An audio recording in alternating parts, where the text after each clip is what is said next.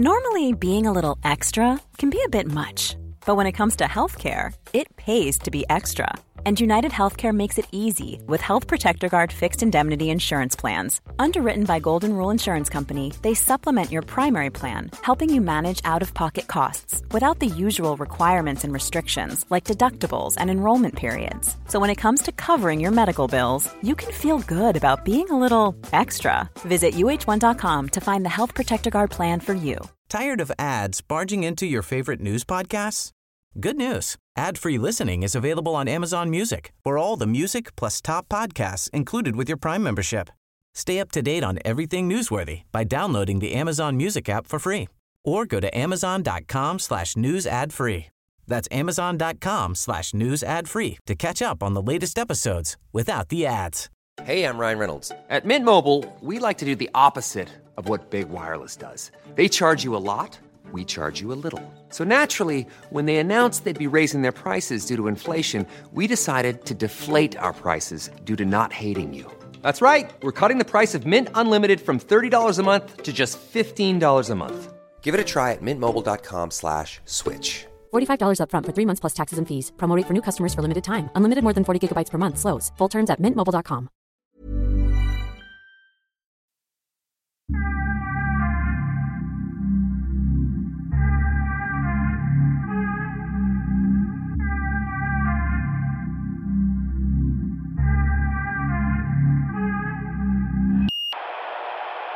Okej, men då fortsätter jag dra den här historien då. Ja. Ehm, eh, jo, på tåget ifrån, ifrån eh, st eh, Stockholm till Göteborg så satt det mitt emot mig två kvinnor och eh, när de pratade, de, de bytte språk hela tiden. Tre olika språk kunde Ja. jag eh, identifiera. Det ena språket kunde jag, det är västgötska. Ja. Vi pratar kraftig bred västgötska. va? Ja. Men sen så var det ett språk som lät som svenska fast jag förstod inte ett ord så jag förstod att det var turkiska. Det var turkiska. Ja, och då kunde jag räkna ut att det tredje språket som jag inte fattade någonting utav, det måste vara kurdiska. Ja. Och så plötsligt så när vi hade suttit ganska länge så, så tittade de på mig och sa ursäkta att vi sitter och pratar så att du inte förstår. Att det, så det, är liksom, det är oartigt. Så Ja. Så, nej, det är inte oartigt, sa jag. Jag har riktigt trevligt. Jag sitter här och räknar ut. Jag ska se om jag har rätt Ja. innan ni säger vilka ni är. Så sa jag, ni ska gå av tåget till Skövde, sa jag till dem. Ja. Och ni talar svenska, kurdiska och turkiska. Det var, stämde precis. Ja, ja, ja. Kurder från Turkiet.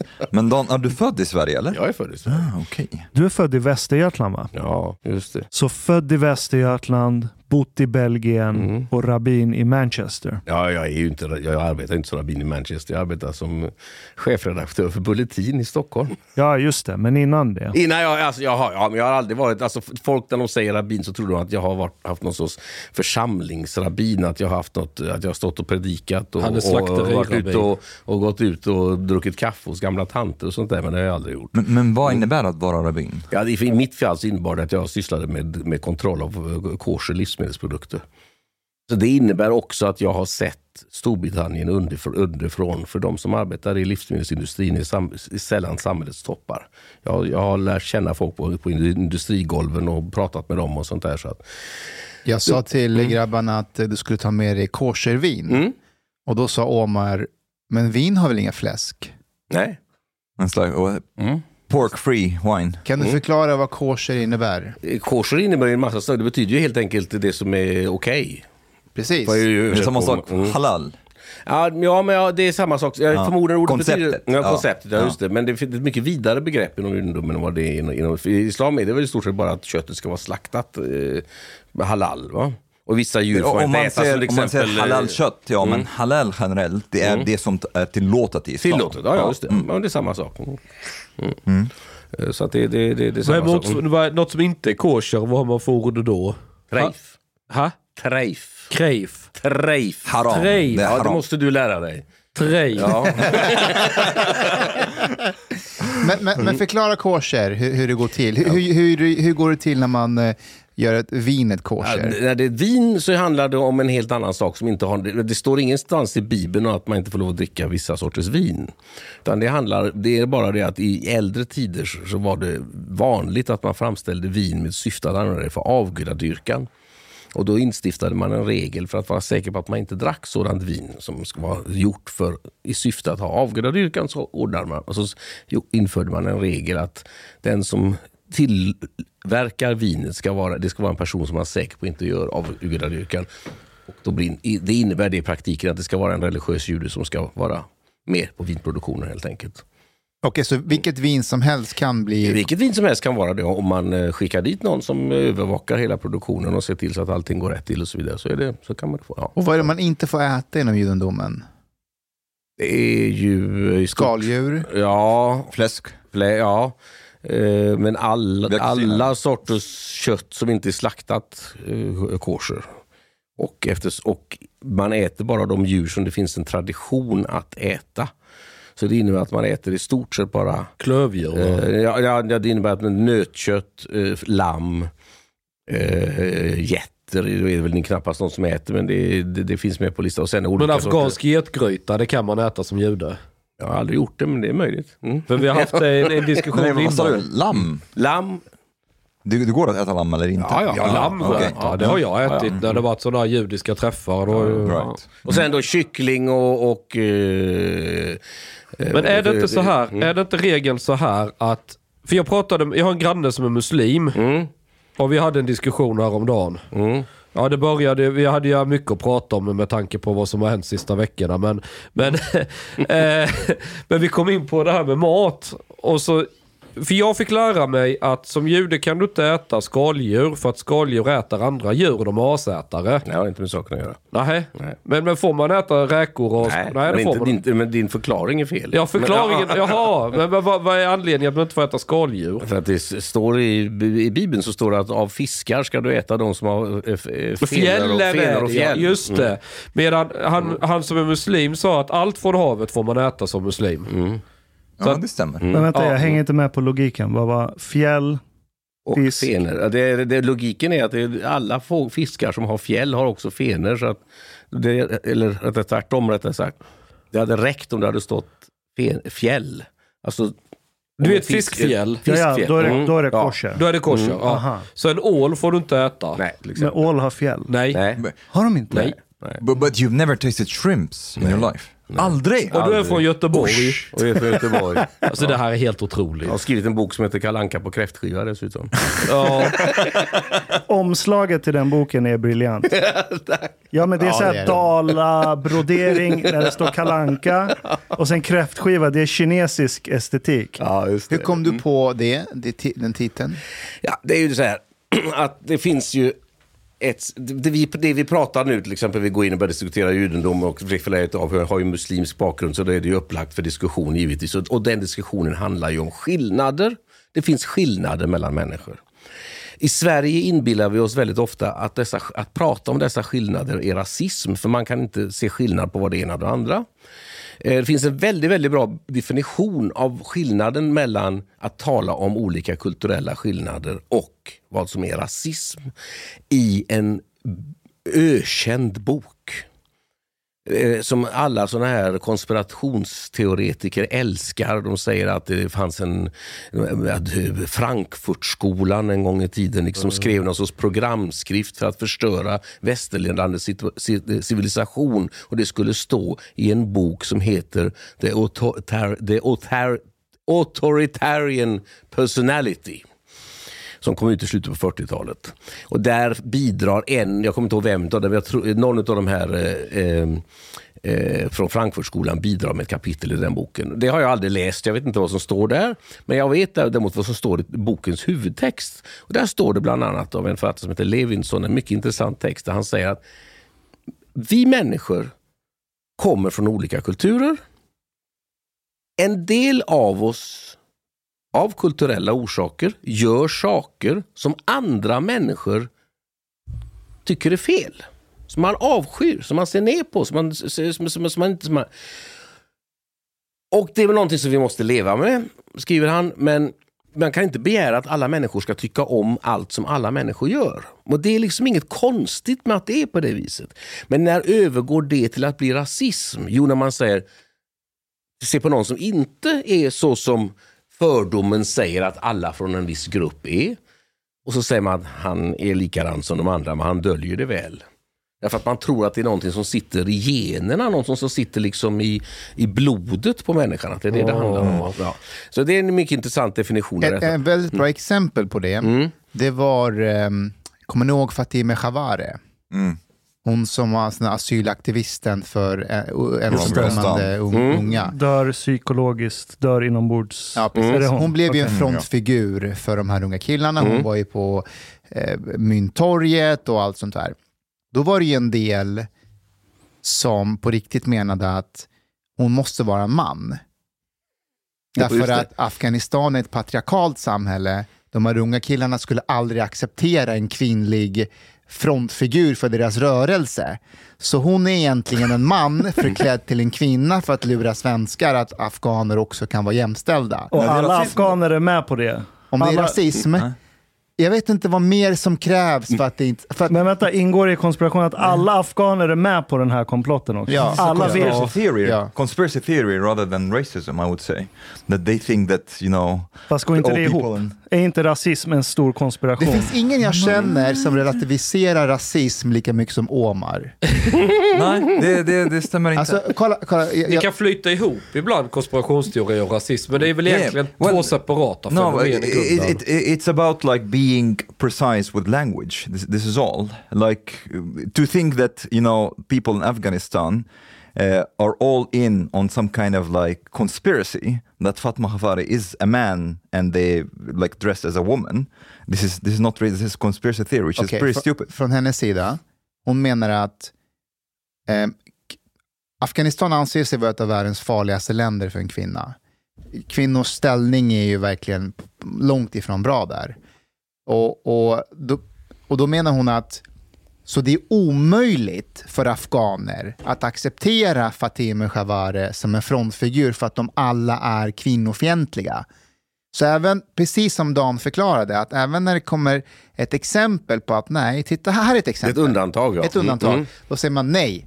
Det kan inte vara sant, för att vi vet ju hur de är egentligen. mm. Just det, precis. Det, det är jättebra. but- jättebra exempel. Is is it though? Like because because in this sense, wait, wait, wait. Uh, in this sense, it's it's not in the genes. You, are saying that you know t- to be racist has to be you know you're saying that someone has something like it's it's inherent in them genetically. yeah. And if, if if it's not the case, is that racism? Like for example, if they think if there's if the conspiracy is built on that the society there is so patriarchal that they they have they develop this conspiracy that it, she has to be a man. I wouldn't say this is racism. This is just like some kind of like deranged Alltså, conspiracy alltså, jag, tycker, jag tycker att Mustafas exempel är väldigt bra, men sen tycker jag ju i och för sig att när man ser henne tala så är det inte så konstigt att folk tror att det är en man som har klätt ut sig. Hur, me- hur menar du? Okej. På vilket sätt då? Jag vet inte om vi ska ha kvar. På vilket sätt då? Rösten och utseendet. Jaha, du menar rent praktiskt? So Dan believes in this conspiracy. Nej, jag sa inte att jag tror på det. Jag sa att, jag sa att det är inte konstigt att folk tror på det. det, det- people. ja. Men du Dan, du fick ju mig faktiskt att, att köpa att begreppet kulturrasism faktiskt kan existera. För jag har alltid tyckt att kulturrasism, det är jättebefängt. Vadå, om man tycker, om man tycker att viss kultur inte är bra, varför skulle det vara rasism? Men då sa du, du skrev någonstans att om du menar att en kultur är på ett visst sätt, Mm. men så ser du exempel i den kulturen där den kan vara på andra sätt, Mm. så säger du nej. Det måste vara på det här sättet, den kan inte vara på andra sätt. Mm. Just det. menar du var kulturrasism, vilket jag tyckte var en väldigt bra förklaring. Mm. Is this, but I don't know, eh, again, Egentligen skulle man behöva ett bättre ord för det. För att det är lite Cultural- dumt. Rasism blir... Jag fattar Jag poängen. Använder say inte begreppet cultural kulturrasism. Men alltså, allt detta handlar ju egentligen om en och samma sak. Det handlar ju om att i Sverige, så, så den här diskussionen som vi går in på nu, den är ju väldigt krånglig och väldigt djup. Och det tycker man ofta inte om i detta land. Man vill helst undvika sådana saker och då försöker man hitta enkla lösningar. Och den enklaste lösningen på det som vi diskuterar nu, det är att helt enkelt förneka att det finns skillnader mellan människor. Och då är det så att då säger man bara att det finns ingen svensk kultur. Det existerar inte. Finns inte. Och då säger man, till exempel, de klass, alltså vi känner ju alla till, till exempel Ingrid Lomfors ord på, eh, på eh, Münchenbryggeriet höst, hösten 2015 när man liksom skulle på det här mötet där man till och med sjöng halleluja, en kör. Ja. Eh, Eh, där man då peppade hela svenska folket för att man kunde ta emot precis hur många människor som helst från andra länder. Och Då säger man så här, det finns ingen inhemsk svensk kultur. Förtydligat av Ingrid Lomfors att, det, att föreställningen att det skulle finnas en enhetlig inhemsk svensk kultur, den bygger inte på verkligheten. Och Jag har aldrig träffat någon människa som har den föreställningen att det skulle finnas en enhetlig inhemsk svensk kultur. Men det är liksom, det, man, man slåss ju mot halmgubbar här. Va? Därför att in, om man ser på äldres, alltså sätt som man tidigare har haft en föreställning om svensk kultur. Så i, de här, den här, i det här sättet, den här diskussionen som har pågått, där ungefär samma människor återkommer, så finns det en återkommande sak om att, om att liksom i slutet på 1800-talet, början på 1900-talet, nationalromantiken, så byggde man liksom upp en föreställning om det svenska. Och de största exemplen på detta är Svenska turistföreningen, och Nordiska museet. Men går man till Nordiska museet, jag har inte varit där på 30 år, men jag förmodar att det ser likadant ut där än idag, så är det så att där är utställningen uppbyggd landskapsvis. Man visar vilken kultur som var rådande i det landskapet och vilken som var rådande Det är ju tvärtom. Det är ju raka motsatsen till en enhetlig svensk kultur. Man visar ju på skillnaden, på rikedomen på, eh, på mångkulturen som säga, inom det svenska. Och samma sak är det med Svenska turistföreningen. Svenska turistföreningens årsbok har gång på gång på gång haft som tema olika landskap. Landskapet för landskap att betas av. Och det så påstås det också att man i de här skulle vara liksom fientligt och fördomsaktigt inställd till samer, vilket inte heller stämmer. Fast vem tycker om samer? Ja, i varje fall om du läser den allra första, allra första häftet i den första årgången av, Nord, av Svenska turistföreningen så står det en artikel om, där, som varnar svenskar, som besök, turister som besöker eh, det som kallas för lappmarkerna på den ja. tiden. Att inte vara överlägsna och inte se dem som någon sorts lägre stående människor. och sådana saker. Det var lätt hänt annars att man gjorde det. Det, det är för hemskt. Ja. men, ehm, men ehm, utan det som är det typiskt svenska, det handlar om betydligt enklare saker. Och då tar jag som ett exempel på detta i den här boken. Jag tar det som ett exempel på det som är typiskt svenskt. Alla svenskar vet om vad julafton klockan tre innebär. Men norrmän och danskar vet inte, men du får inte gå längre än så. Det är en del i gränsområdena och så vidare, gör det, men, men alltså, längre bort än så vet man absolut inte vad julafton klockan tre innebär, att det innebär kalanka på tv. Va? Och en kräftskiva. Folk också i andra länder äter ju kräfter. Men hela idén med en kräftskiva och de här olika traditionerna kring det är en typiskt svensk grej som svenskar känner till. I, lite grann i Norge, Danmark, i Danmark finns det inte alls. Var, var, varför mm. har man Kina-tema på kräftskivor? Ja, det är en bra fråga. Jag har inget bra svar på det. Det är sådana här rislampor ja, eller såna här. Ja. Vad har man det? Är det standard? Ja, traditionell ja, ja. kräftskiva mm. så har du såna som uh, rispapper du vet och så gör man och det är så kinesisk liksom estetik på det. That's one, that, that's one tradition I don't like at all, kräftskiva. It's like so much work for so ja, little med. meat. Jag håller med. It's not the ja, meat all... that is interesting, it's the... Det, det är drickan. drickan. Kräftan är bara för att smaksätta nubben. Så det är därför du hade kinesisk estetik på omslaget? Jag, jag trodde att det var för att kräftor kommer från Kina eller någonting. nej, nej. They invented them. nej, men, exakt, jag tror någonting De sånt. fiskades i svenska åar och sjöar och görs fortfarande en hel del. Men, men, men rispapper och mm. allt det där. Ja, jag vet inte vad det kommer. Men jo, det däremot, så vet, däremot, nej, däremot så vet jag att jag kollade upp eh, finns en sån här databas på svenska eh, dagstidningar från Kungliga biblioteket där man har skannat en massa svenska dagstidningar. Och där la jag in ordet kräftskiva och det första, det äldsta exemplet som kommer upp i en text är från 1914. Mm -hmm. Alltså en ganska modernt påfund. Och att kalla anka ett modernt påfund, det behöver vi väl inte ens diskutera. Det begriper vi alla att Walt Disney inte är en urgammal svensk tradition. Men tradition och det som är gemenskap och det som skapar en kultur är i ständig förändring. Mm. Och det är inget fel på det. Men, och, och, men, men, men den ständiga förändringen är heller inte något som... Eh, det, är, det är inte hotat. Eh, av ehm, Invandrare. Nej, inte så länge svenskar själva bevarar det. Då kan det vara något som man kan bjuda in invandrare att delta i istället. Att det, det, kan vara ett inträdeskort till den svenska gemenskapen. Men är det inte lite, är det inte lite ytligt när kulturen...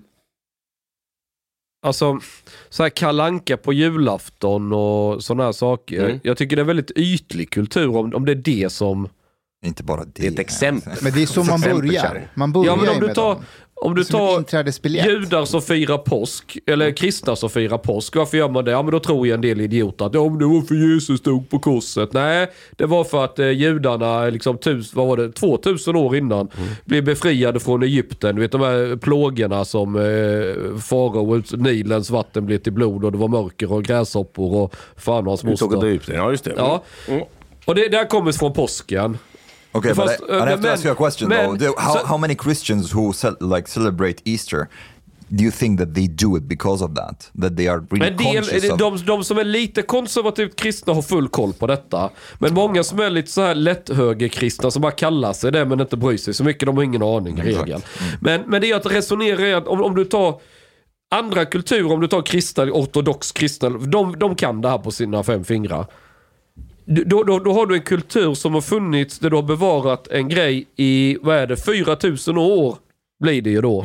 Ja, så lever kvar en väldigt liksom, central grej i hela alltihopa. Medan i Sverige, så vad firar vi mest? Det är Pride-paraden och det är eh, kalanka på julafton. det är Yeah, väl de I, två I would say you sakerna. have a narrow perspective maybe when it comes to culture because you're just like uh, looking at the, the current period. What if like this this thing with Kala Anka is like uh, like perseveres 400, 500, 1000 years? När de uppfann tvn. Alltså, eh, jag måste ju säga att du har inte har samma hållning som de gjorde på Münchenbryggeriet där det finns ingen svensk kultur just nu, Chang. Jag är lite förvånad över dig. Nej men jag, nej men jag, jag, alltså det här med svensk kultur, jag, tycker den är, den är så, kultur ska väl vara, finnas något beständigt i det. Jo, men det gör det. Alltså, Vad är det beständiga i den svenska kulturen? Eh, Det julfirandet är det absolut. Alltså julfirandet, där har du två, Okej. två rötter. Ja. Men det, är- det är alltså så som julfirandet ser ut idag. Så är nästan allt i vårt svenska julfirande är moderna påfund.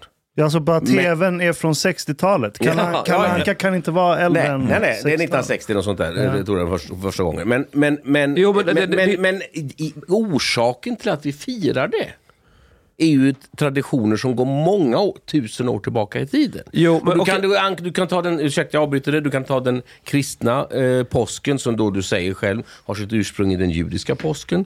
Och det är därför ordet påsk kommer från det hebreiska Pesach.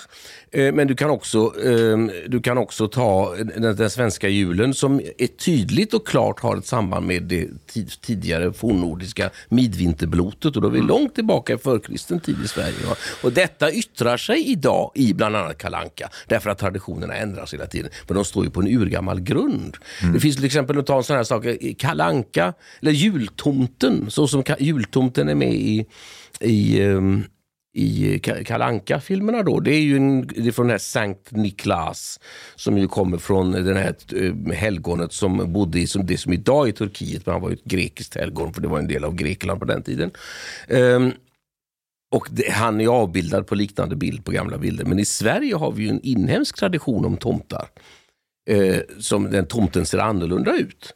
Eh, och som går tillbaka till, till eh, eh, Viktor Rydbergs Lille Viggs äventyr på julafton. Och, och många bilder av Jenny Nyström med tomtar. Men vänta lite, är 1800-talet. tomten grek från början? Den, den, Sankta Claus är grek från början. Ja men det är ju Ja. tomten. Ja. Nej, Ja. men jag säger det finns en annan tom... Det orsaken till att vi säger tomten i Sverige är därför att det, vi blandade ihop det med en inhemsk folktro. Jaha. Som, som, och jag har ju träffat Tomtar människor... och troll. Ja, ja, jag, jag har ju träffat människor som har sett både tomtar och troll. Och Näcken och jättar. Och, De har gjort det. Ja. Var det toppslätskivlingar de hade hittat utanför huset och tuggat i sig eller? Det ska jag låta vara osagt. Men, ehm, Säger han med ett leende på läpparna. Ja, men, alltså det, men det, som, med, som, det som jag höll på med med ungdom i folklivsforskning så är det så att eh, sånt här är ett riktiga fynd. Därför att det är väldigt vanligt att du hittar människor som berättar om att förr i världen så berättade de si och så att det fanns jättar, eller det fanns troll, det fanns sådana saker. Men det är väldigt ovanligt att hitta människor som att jag har sett en jätte, jag har mött ett troll. Det hittar du nästan aldrig. Men jag har, jag har De flesta som har mött mig brukar säga att de har mött ett troll. Jag har viss förståelse för den eh, uppfattningen, men eh, ändå en viss skillnad där. Dan, eh, begreppet kultur, Ja. vad, vad måste... ehm, hur definierar man begreppet kultur? Är, är det att majoriteten följer någon specifik grej? Eller vad, vad, när är en kultur en kultur? Ja, det är ju jättesvårt. Alltså all, det, det, det, då får man först veta vilken, vad talar vi om. Det, därför att i Sverige så blandar vi två olika betydelser av ordet kultur.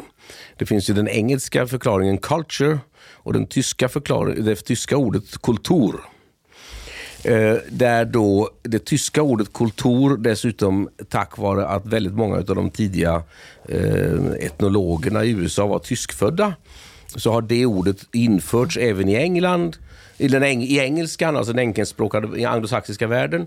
Eh, och det ena fallet så betyder ju kultur liksom opera och konst och musik eh, och sådana saker. Va? Medan i den andra betydelsen, så är det, betydelsen är ju att det är all mänsklig verksamhet i stort sett. Så till exempel svensk kräftskiva. Mm. Visst är det så att majoriteten av svenskarna har ju inte varit på en kräftskiva? Jag har aldrig gjort någon undersökning om det, men alltså det är mycket ovanligare än vad folk inbillar sig. Precis, Ja, men mm. alla vet vad det är. Och då är frågan, hur kan det anses vara ett kulturellt fenomen om majoriteten av svenskar... Alltså, kräftskiva är lite exklusivt sådär. Är det det? Visste Ja, inte det är det. Alltså det är mycket...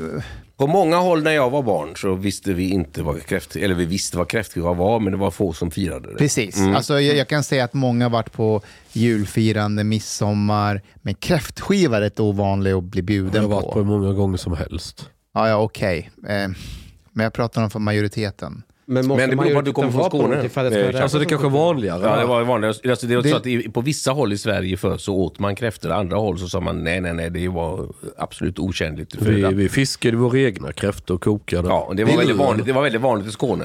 Ja. Det var lite det som var min, min fråga. Att Måste majoriteten göra det för att, det för att fenomenet ska anses vara en, ett kulturellt fenomen? Så det jag säger som politiker brukar säga, det var en mycket bra fråga. Eh, för att, och det är det verkligen, för att du, har helt, alltså, det du, du, du antyder här, är verkligen, jag anser att det är så. Att folk känner till det, det är det som att vara en del av kulturen. Man behöver inte själv delta i det. Okej, är min likadant med för att- Bacha Bazi? Sluta.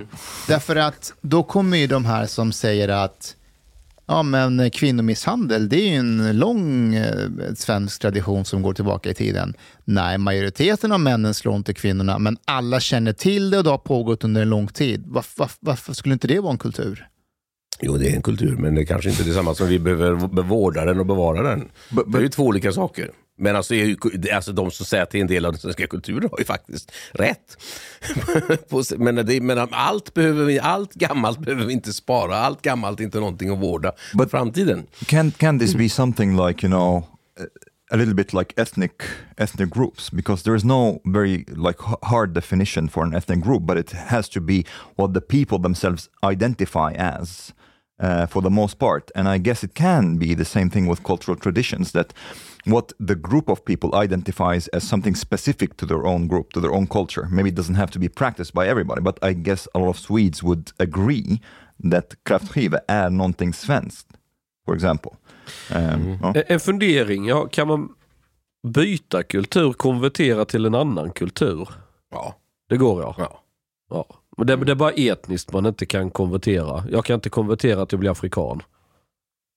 Nej, det är väl svårt, tror jag. Jag har aldrig försökt. Nej, Men du kan, du, du kan, du kan byta kön. Det Ja. går. det, det går ja. Ja, det, är, det är rätt enkelt idag. Imagine Shang as a woman. Vi, det fanns ju bilder på oss i, som kvinnor. Right. Jag såg ut som någon som inte hade rakat armhålorna var det någon som skrev. Du är ju chefredaktör för Bulletin. Mm. Det är inte många som vet om det. Nej, kanske inte det. Nej, alltså det behöver inte vara något dåligt. Men vad... Berätta, hur blev du chefredaktör där? Det var ju samma med eh, konkursen för ett år sedan. Som ehm, eh, jag blev chefredaktör. Jag hade fått förfrågan ett år tidigare, men då tyckte jag inte att jag var redo att ta det steget. Men ett år senare så kände jag att jo, det ska kunna, kunna gå. Så att, eh, och Måste Vad, är det som gör att du brinner just för bulletin? Vad är, vad är den bulletinska kulturen? Kan du... Bulletin. Jag brinner för att det ska finnas en tidning i Sverige som ehm, är eh, i- icke politiskt korrekt utan att hänfalla till eh, konspirationsteorier och, och, och eh, så att säga v- vulgär eh, Men menar grejer. du att chans till en nyhet idag har jag inte sagt. Jag har jobbat för Nyheter idag tidigare. Jag har skrivit för den tidningen. Jag Försök inte locka med ner mig i ett sånt spår. På, på vilket sätt yttrar sig den här politiska korrektheten i vanliga medier, som du ser det? Ja, alltså, ta en, du kan, alltså, du, har du, när öppnade du Svenska eh, Dagbladet och Dagens Nyheter senast? I veckan. Alltså, ja, Dagens Nyheter numera har man ju känsla av att det är ett livsstilsmagasin. Alltså nyheterna kommer långt ner på löpet. Va? Innan dess handlade det en massa sån här eh, livstids och alltid någonting om eh, klimatångest eller något liknande. Och så kommer nyheterna lite eh, hoprafsade längst ner. Och Svenska Dagbladet har också, alltså detta är ju två gamla borgerliga tidningar båda två. Svenska Dagbladet bildades ju en gång för att bli ett, ett, ett, så att säga, ett intellektuellt borgerligt alternativ av en eh, ganska stor grupp eh, svenska intellektuella i slutet på 1800-talet. Och precis, de, alltså, det, var, det pratades ju mycket om att det var väldigt mycket bråk och liknande på Bulletin i början, men det var ju ingenting mot vad det var på Svenska Dagbladet för 120 år sedan. Det, vi är ju bara dåliga amatörer i jämförelse med, hur det gick till där. Det var nu fullt slagsmål på vissa håll. Maybe this, this is an interesting example. Something from Dagens Nyheter, jag vet inte om det är idag. Polyfamiljen firar ni, nu tio år med sina nio barn. Mm. For example. Mm. This is like, Ja, men, Men- det, är liksom, det handlar bara om sånt hela tiden. Men om jag ska vara lite djävulens advokat Mm, åt. D- Dagens Nyheter, är det inte för att nyheter får man ju som pushnotiser idag. Omni har ju till exempel det. De bara pushar ut. Idag hade förresten Omni deras toppnyhet, vet ni vad det var i morse när, när jag gick upp? Att Chang Frick hade en, ehm, en debattartikel i Expressen. Mm. Omni? Ja, Omnis Aha, är det topp, toppnyhet att, att hålla koll på idag. Men det är inte för att nyheter idag, det kommer ju så fort och det blir inaktuellt så fort också. Så, att man, så att just Dagens Nyheter har tagit rollen som att nej, men vi gör mer agendasättande journalistik istället. Och det har väl varit ett vinnande koncept, eller? Det går, det går ju bra för Dagens Nyheter. Tyvärr. Ja, jag, jag kan ju inte dela den synen. Alltså att det, att det, att, alltså jag, jag, jag håller ju med dig. Jag, ser ju att det går bra för tidningen. Men, men, ehm, Men den, eh, den är väl identitetsbyggande liksom? Att, jag vet inte vad det är. Men alltså själv tycker jag inte att det är... Alltså jag, vill, jag vill med mitt lilla chefredaktörskap, då, om jag överhuvudtaget kan jämföra det med Dagens Nyheter vet jag inte, men alltså jag vill skapa något annat. Jag vill att det ska vara, alltså i, i görligaste mån, jag är väl medveten om att det inte går, så vill jag i görligaste mån att nyheterna ska komma ut och de ska vara konsekvensneutrala. Eh, ta ett exempel. Eh, den här historien eh, om, som Dagens Nyheter slog upp stort nu för ett par dagar sedan. Om att ehm, man får lov att bränna eh, alla andra religiösa böcker i Sverige, ut- men Koranen får man inte längre bränna på grund av att polisen har, fast, har fastslagit det. Det bygger på ett enskilt fall där det var en person som ehm, eh, bad om tillstånd att bränna Koranen utanför turkiska ambassaden. Nej, två fall. två fall, eh, irakiska ambassaden också. Okej. Irakiska, Ja. Ja, okej, det, det är möjligt. Men i varje fall, det, det, det är enskilda fall. Eh, och Dagens Nyheter drar detta till att det skulle vara en allmän eh, regel. Mm, Men nu har det blivit allmän regel. Jag så Polisen, gick väl, det. polisen gick ju själv ut och Ja. skrev det. Ja. Att det var en, att det var en, ja, men de har skrivit det i, i beslutet för Det kommer för här vara i regel. fallet. Mm. Ja. Ja. Det kommer vara i regel så. Mm. Ja, det vet vi ju inte än. Ja, förvaltningsrätten ska jag säga. Ja, det ska förvaltningsrätten. Sen, sen, kan det vara om, om jag begär att, för jag, jag, jag har precis köpt en koran förresten, jag ska läsa den. Eh, Inte om, bränna den. Nej, jag tänkte bränna, men om jag skulle få för mig att bränna den och så ska sk- sk- skicka in en, en ansökan. Jag vill bränna upp Koranen här hemma i mammas kakelugn. Det går bra. Ja, det skulle de förmodligen säga, eller hur? Ja, ja, det är din egen Och det innebär att det är inte så att... att, att men alltså, och- men då, då vet jag att om jag hade skrivit en artikel där jag hade liksom gått på full fräs och sagt att nu är det förbjudet att bränna Koranen men, men alla andra religiösa böcker, det hade mina läsare gillat för det är precis det de vill höra. Men jag tycker inte den historien håller. Då vill jag berätta den historien också. Jag ska inte när jag berättar historien ta hänsyn till vad mina läsare vill höra, att ge dem deras förutfattade meningar. Jag ska heller inte eh, eh, jag ska försöka vara så sanningsenlig som möjligt. Th- There's another question. How easy is it? Th- that's a very interesting um, question that a lot of people, I think, who who write, for example, or or produce uh, content, think about what your followers expect of you, and how much does that like actually affects what you produce, uh, even on a subconscious level.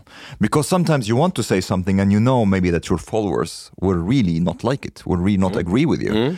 Um, Känner du av det?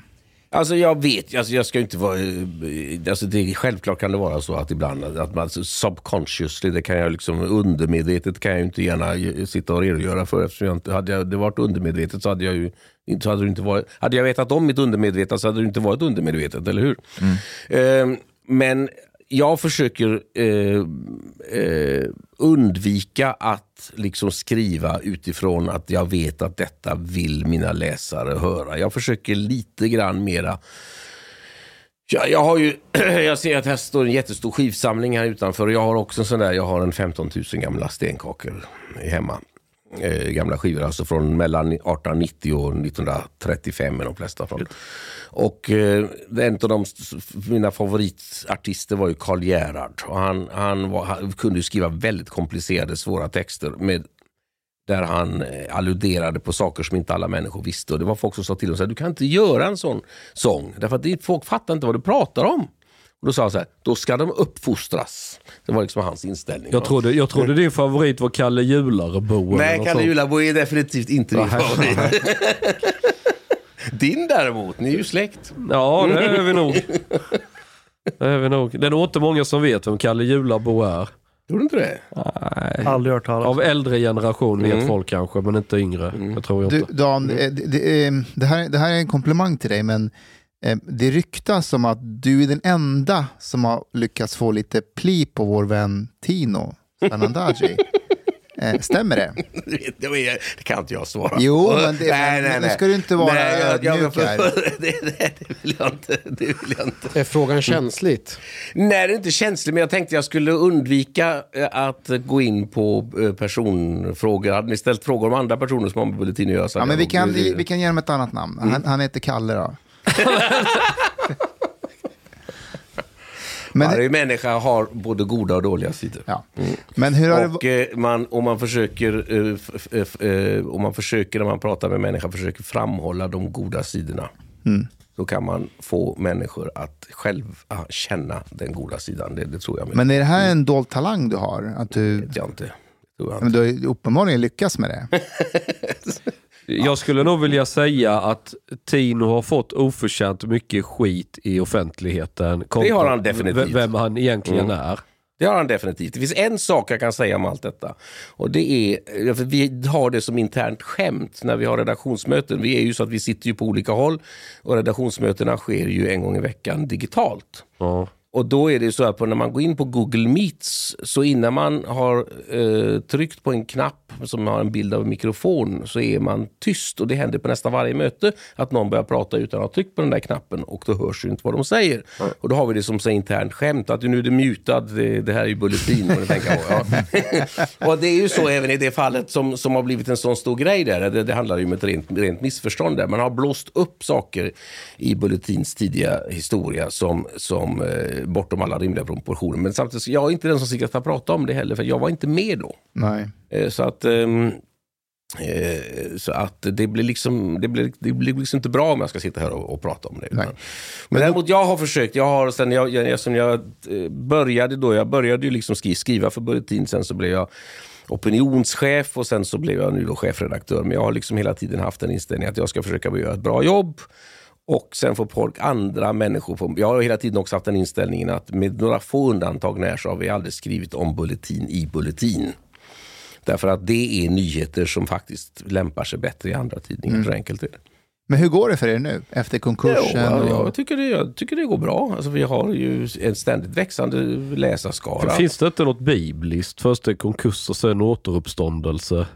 Det är ett bibelord jag aldrig hört, men du utvecklar det gärna var. Ja men på den sjunde dagen så steg Bulletin upp ur... Ur askan i elden. Ja, ja, ja, och sen skulle Bulletin behöva, det skulle komma en helig ande, ett ljus över huvudena och sen så fanns Bulletin på 12 olika språk med. Du kan eh, Bibeln mycket bättre än mig, det är alldeles Ja uppenbart. men du har väl läst Bibeln? Ja, ja, men jag är inte så bra som dig. Men Dan, du, jag antar att du är troende? Ja.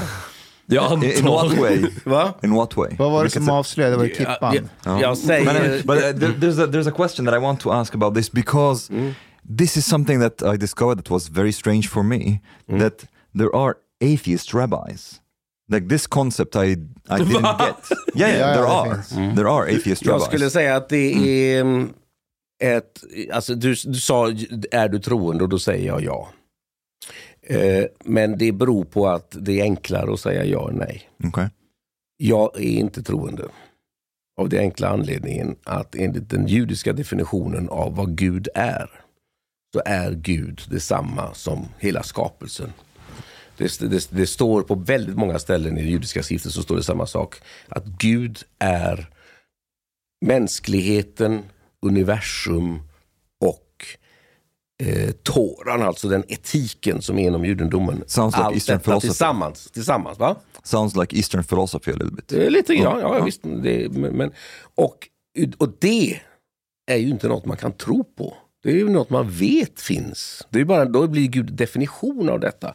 Det här bordet vet, tror ju inte jag att det finns. Jag vet ju att det här bordet finns.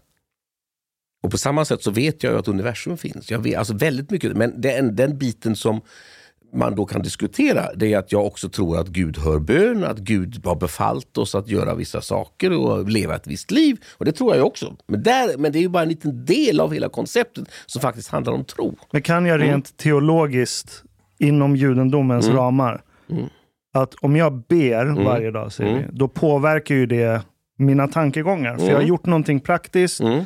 och jag, det kommer påverka min hjärna, mina minnen, jag kommer ha känsla med mig under dagen. Och det gör att jag kanske ändrar mina beteenden. Mm. Kan jag tolka det som att Gud har hört min bön?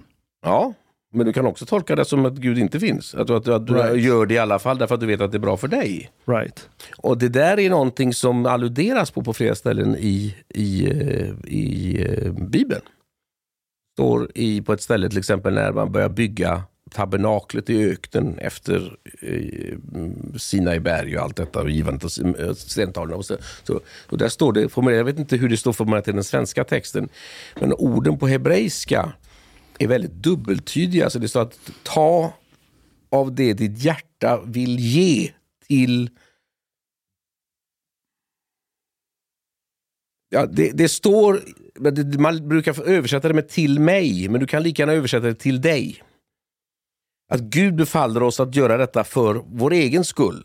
Och så då också, står det också i den svenska översättningen, för att jag skall bo ibland eder, står det i den svenska översättningen. Alltså att Gud ska ha ett hem ibland. Men vi tror inte på att Gud är en fysisk person som behöver ett hem att bo i.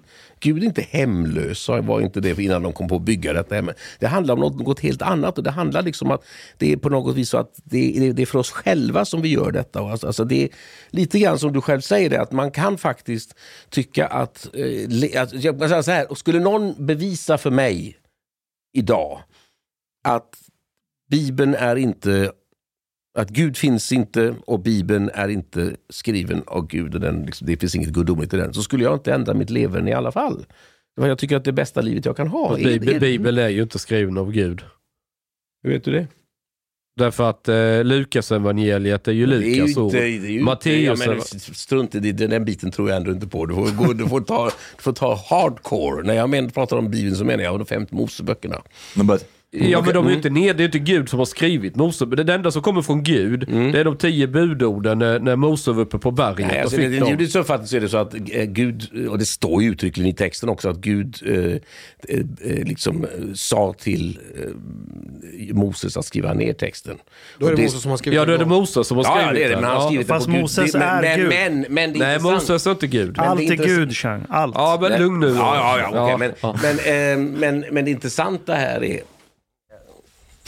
ja, det intressanta här är då att eh, i, i den här texten så är det så att på det, hebreiska alfabetet det kan man flytta om bokstäverna lite grann. Så att ett, den första bokstaven alf kan man ta isär. Då, blir det två J, alltså jod, och ett vav. Alltså det Javé. för- Ja, ja, nej, nej. Jag är. Ja, men nu går du in och velar. Du, Ta det en lugnt. sak i taget. Okej, ja. okej, okej, okej. Ja, och. Kams rakkniv här, inte smörkniven. Vad ska Nej, okej, Ja, mm. Ehm, och Det innebär att du i samma text kan få en massa olika tolkningar. Du kan sätta ihop den på massa olika vis. Och Det är ju enda förklaringen till att när, om han, Gud då dikterar den här texten till, till Moses så är det ju, ingår ju i texten saker som handlar om Moses som ännu inte har inträffat när texten tecknas ner. Inklusive Moses död. Så Moses skrev om sin egen död Han skrev, innan han... men, ja, och då säger man att han fattar inte vad han skrev. Därför att det var Gud som var till med att han skulle skriva ner en massa bokstäver, en massa tecken. But but isn't isn't there like I'm interested uh, in the similarities and the differences between Islam and, and Judaism, and one of the things that is talked about often that there is some kind of rigidity when it comes to the view of scripture in Islam that is a mm-hmm. bit different in, in Judaism even historically. Mm-hmm. That there was this kind of like interaction with the text mm-hmm. in Judaism that did not really exist in the same way in the Quran. And there is some kind of like um, because the, one can say that some people would say that the Bible is the word of God as it's in, is the divine inspiration, mm-hmm. but Quran is the literal speech of God, mm-hmm. word for word, and mm-hmm. then it's like way more rigid. So, oh. in that sense, has has the Jewish scripture how much have they, they changed uh, across history? Alltså den äldsta hebreiska texten, alltså texten som är liksom till grunden för eh, alltså den hebreiska originaltexten alltså, som, man, som kopierats, den är ju exakt så som den skrivs idag, finns ju bevarad i handskrifter som är åt 1500 år gamla. Och det finns fragment som är eh, över 2000 år gamla. Så att den har, och den är exakt ord, ord, bokstav för bokstav exakt samma text. Men där, så det är inte det som, där vet, alltså i, i, mu- musli, alltså i, i islam så säger man hela tiden att, att Koranen är den rätta texten och att kristna och judar har lekt med sin text och ändrat det. Men, men däremot vi ser det på ett annat vis och det, och det är att vi i själva texten, i den judiska texten, så står det, liksom- i den hebreiska texten så står det till exempel att eh, tre änglar kom till Abraham och när de då sa, skulle gå vidare så säger de till dem att, eller han får reda på att de ska gå och förstöra Sodom. Och då ställer sig Abraham och ber till Gud intensivt skona Sodom. Han ber, han ber alltså att Gud, alltså Abraham interagerar med Gud. Han är inte den som han är inte, som ordet islam betyder, underkastar sig inte Gud, utan han dividerar med Gud och diskuterar med Gud. Och Det finns en väldigt viktig skillnad mellan Koranen och och eh, första Mosebok. Är faktiskt orsaken till varför jag köpte en koran. Jag ville läsa det och ha det som källa att hänvisa till. Och det är att det står i första Mosebok, andra kapitel, så står det att Gud förde alla djur i, Edens lustgård framför Adam och Adam gav namn till djuren. Och de här namnen då accepterade Gud, alltså Adam var så att säga med i skapelsen. Medan däremot i Koranen så står det att Gud förde alla djuren framför Adam och lärde dem lärde Adam vad de hette. Exact. Ja. Exact. Mm-mm. Uh, and then the, the angels were impressed. Uh, the- This is uh, uh, in the Quran. The angels actually were surprised why God has elevated Adam in this way, and they told him like, you know, he's just like you created him from like clay, from mud, and we're like basically much higher than him. And he then God calls Adam to him, and he says tell them the basically the name of of these my creations and then adam begins to recite the names of the creation and then yeah the angels understand that it's just like a higher creation Varför kan inte muslimer heta Adam? Det finns väl Det muslimer många som heter Adam. Adam. Ja, ja, det är många. Fast det, i Afghanistan heter ingen Adam. Fast Adam är ju namnet för människa Fan, det är i sant. vårt språk. Mm. Adam betyder människa, human. Det är sant. Mm. Men, Det är svenska från början, det vet vi. vadå? Av damm kommer det ifrån. Av damm. Ja, det, det vet inte du. Nej, men, And, and, Hur skiljer skapelseteorin sig inom judendomen kontra kristendom och islam? ingenting. Finns den här Clay-teorin om universum? Att Gud sätter ihop människan från små bitar av lera? Är det samma? Ja, men det är gamla testamentet och Toran. Nu, vill jag, nu vill jag höra Dan Korns tolkning. För att Jag Ja, sa som- just att, gu- att de, sista styr, de sista orden i femte Mosebok handlar om Moses död. Och uppenbarligen har Moses skrivit ner de här orden utan att förstå själv vad han skriver. De är diffusa. De kan tolkas på olika sätt. Och samma sak är det med början. Så orden som står där, det ska man, de ska inte tolkas bokstavligt. Inom, I Talmud så står det på flera ställen rent föraktfulla uttryck om människor som tolkar texter bokstavligt. Texter är till för att förstås och eh, eh, så att när folk börjar diskutera om det eh, skedde på sex dagar och hur de här... Alltså, solen och månen skapas ju inte förrän efter flera dagar. Hur långa var de dagarna innan till exempel? De, de kan ju ha varit hur långa som helst. Eh, det finns massa sådana här exempel. Man, det, alltså, det, är, det är så fullständigt otjänligt. Det, fin, det finns judar som inte håller med mig här. Som liksom har den här, eh, som jag skulle säga, som är kristna attityden. Att man liksom, eh, det som står i Bibeln är sant och ingenting annat. Men alltså det är väldigt vanligt och det är också i, i allra högsta grad respekterade och accepterade religiösa urkunder i judendomen så talar man att allt detta ska, är till för att tolkas och det handlar inte om ett bokstavligt det behöver inte ens vara bokstavligt att, att alla de här händelserna som står i första Mosebok har verkligen har inträffat med Abraham, Isak och Jakob. Det är alltså totalt ointressant ur judisk synpunkt om det är sanning eller inte. Därför att detta är en annan sorts sanning, en högre sanning. Vi har, det, det, detta är tillfället vi ska lära oss någonting om hur vi lever i vår tid. Och, och så då, då har man detta som ett, ett, ett material att utgå ifrån och diskutera. Och, och, och inom judendomen så är det ju så att det alltid ifrågasätter. Det kan ju vara så att du läser en, alltså den här typen av kommentarer till de här berättelserna. Så kan det vara så att en rabbin skriver och ger en lång förklaring till ett visst bibelställe. Och så plötsligt så står det så här. Oj, jojmar, står det plötsligt i texten. Eller också kan man säga, så kommer samma person med en helt annan förklaring. Och den ena kan ju inte vara sann om den andra är det. Men det spelar liksom ingen roll. Det, det, det, det, det, det, här påminner mer och mer om österländsk kultur. Det är liksom Torans bild, eller vers- bild ska jag inte säga, men berättelse, den påminner mer om anime. Medan kristendom, bibeln, islam påminner mer om Disney. Det är Walt Disney. ja. För i anime, då kan en karaktär vända 180 grader beroende på kontext. Vilken sits den är, vilka människor den sitter med. Den kan bete sig helt radikalt annorlunda. Den kan ha helt olika förklaringar på saker och ting. Det finns ingen början och slut. Det finns ingen hjälte som ska förverkligas någonstans. Det finns inga offer. Nej.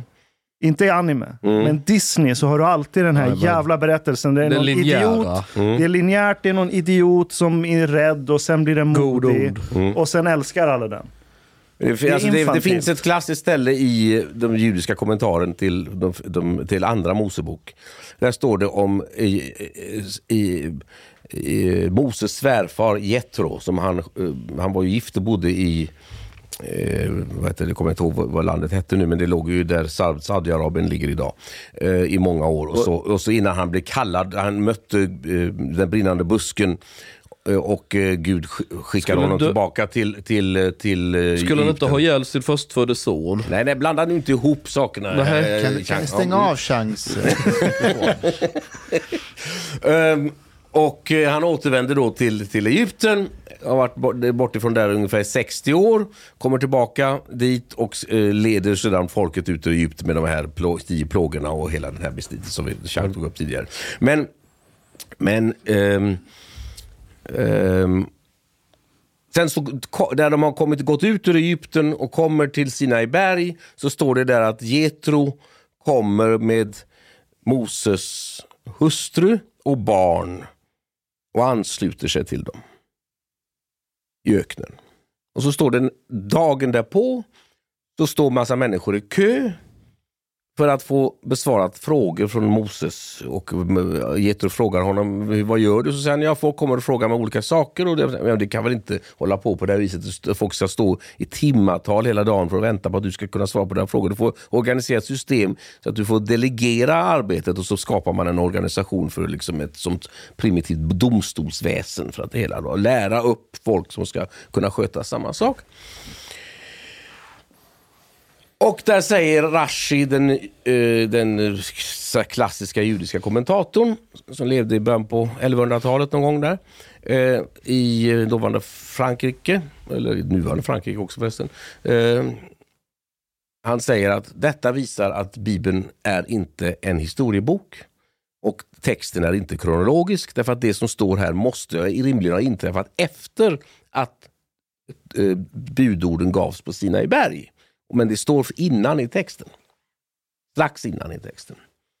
Och så, så att man, så att man ser inte på detta som en historisk urkund, som någonting som, som till varje ord är sanning exakt så som det står. Alltså, så, så, utan på ett helt annat sätt. Ja, men det är ju ändå väldigt mycket faktiska påståenden som att Moses ledde ju det utvalda folket till Kanans land och han dog på Sinai berg. Han kunde se Nej, han landet. dog inte på Sinai berg. Du ska läsa om boken lite. Du sa- han, han kom ju aldrig in i Kanans land. Han, Nej, han, det såg, väl- han fick det- se ja, landet. men det men han, beror väl inte... Men Sinai berg låg väl inte... eller inte bredvid- Sinai berg, men han dog på ett I jävla like the berg. På ett berg? det Ja, han. det var- mm, det- i ja, ett inte- Moabs berg. Mo- Du, du, du är den sämsta juden någonsin. I like that he keeps trying stuff. Mo, didn't he, isn't he the one that sacrificed his son?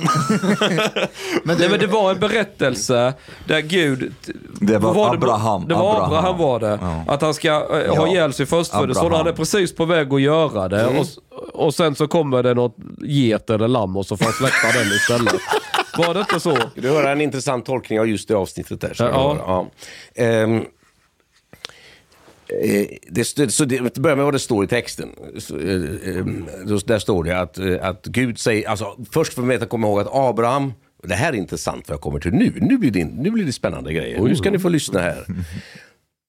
Abraham och Sara lämnar sitt eh, landet där de har bott och utvandrar till Kanans land. De kommer dit när de är 70 år. Han är 70 och hon är väl 60 då, om jag inte minns fel. Det var det fem eller tio år som skiljer, det minns jag inte, men det, det spelar ingen roll. Det är symboliskt. De är gamla i varje fall. Ja, de är symboliska. Men det här, behöver man inte, det här behöver man inte tolka. Det står innan i texten att de lämnar ter, äh, nej, att de, de lämnade Terach och gick mot... Nej, där det står inte att de lämnade Terach, pappan, äh, ja, Abrahams pappa. Men han, det står hur gammal han var när han dog. Nu minns jag inte hur gammal det var, men i alla fall så måste han ha levat i över hundra år enligt den kronologi som råder där. Efter att Abraham lämnade honom, han övergav sin gamle far. Han går mot sina, mot i, i kanan, de, har, de är barnlösa, de har inga barn. Och den, i, den, i, i Talmud så står det att orsaken till att de inte hade barn, ni sitter allihop, så är ni beredda? Ja. Ja. Det, här, nu, plötsligt, det här står alltså i flera tusen år gamla skrifter. Det står att det beror på att båda två var transor. Jaha. De kunde inte få barn därför att de inte var av ett specifikt kön. Jaha.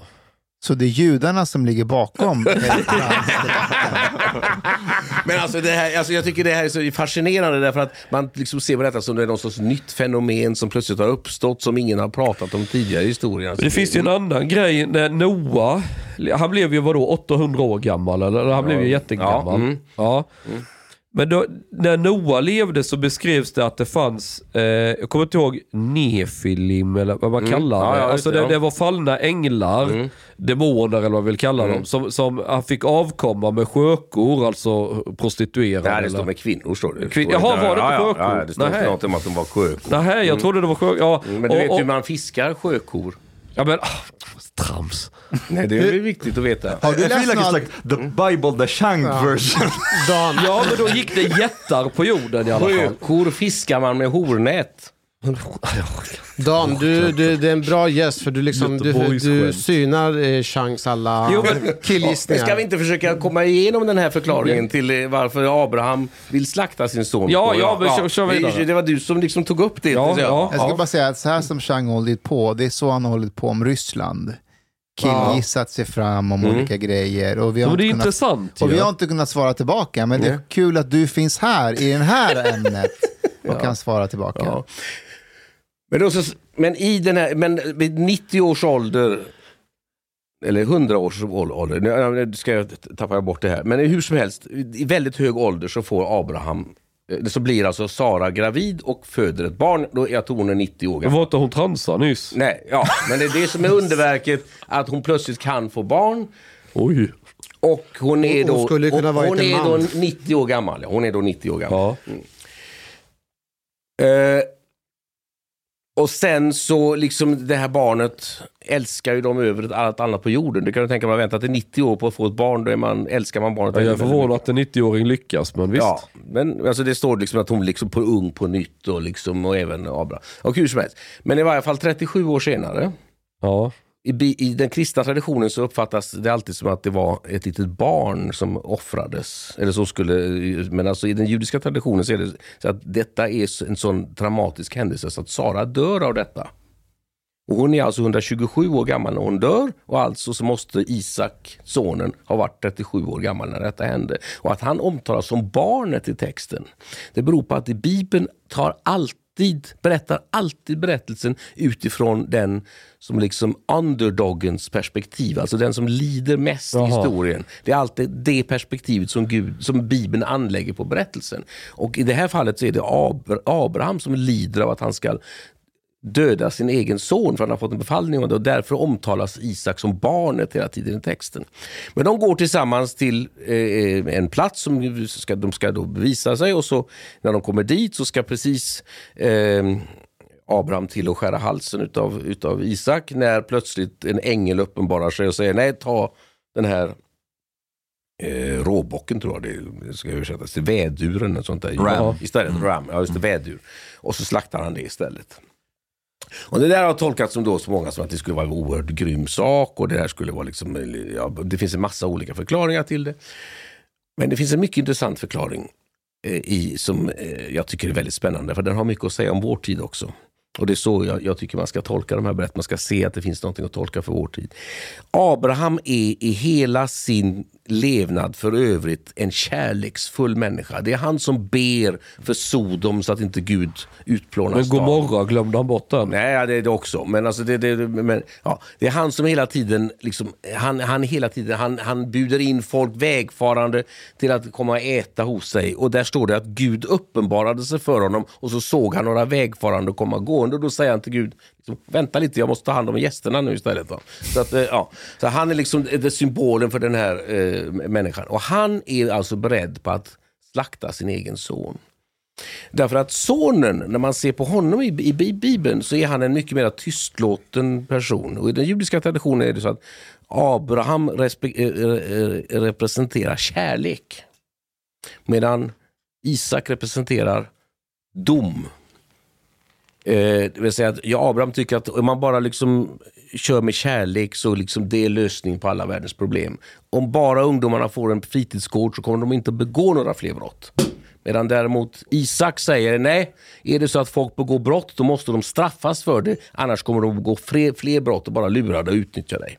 Ja. Det är de här två olika perspektiven enligt den judiska traditionen. Och då kommer det fina här.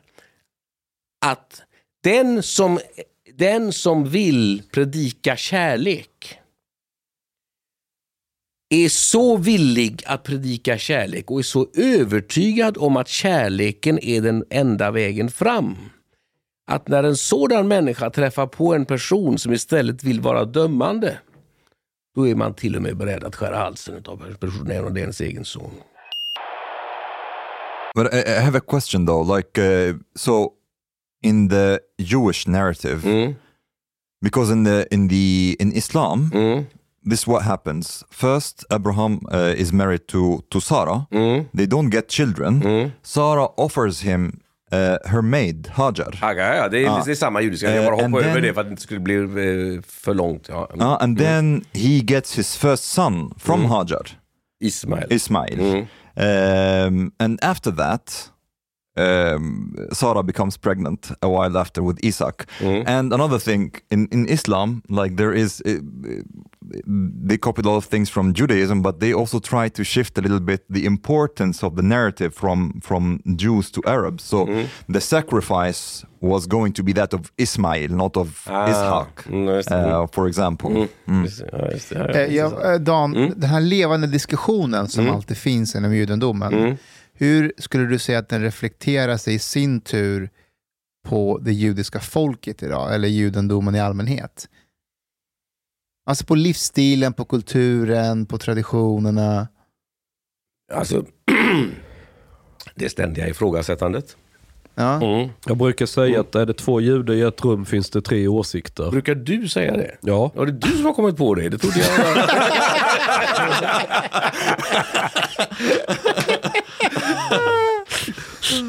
Ja, vad fantastiskt. Det var roligt. Dan, hur lärde du känna Chang? Vi har känt varandra i många år. Ja. Ja, men vänta, jag hade en Ah, fråga. sorry, sorry. Kan jag köra med min grej bara? Alltså det här, så du menar att det här ständiga ifrågasättandet som finns inom judendomen, Mm. att det anses inte som att man tvivlar på Gud? Definitivt inte. För det är ju väldigt Mm. intressant. Förklara. Det finns en... eh, Okej. Du har lyssnat så här långt. På Gista måltid. En mycket fin radioprogram i Sverige. Du tycker det är mycket trevligt. Men, min vän, lyssna på mig nu. Du har inte betalat biljett på klubb Gista måltid. De har blate grabbarna de behöver pengar. Flis. Lax. Stolar. Dirabilar. Lyxhotel. Du vet. Då måste du betala om du ska lyssna mer. Du får många fler avsnitt också. biudande, heltenkelt. helt enkelt. Läs i beskrivning för avsnitt, där det finns information för att bli medlem på klubzista måltid. Det kostar som en mycket liten kaffe latte ute på torget. Per månad. Lätt som en plätt. Tack, min vän.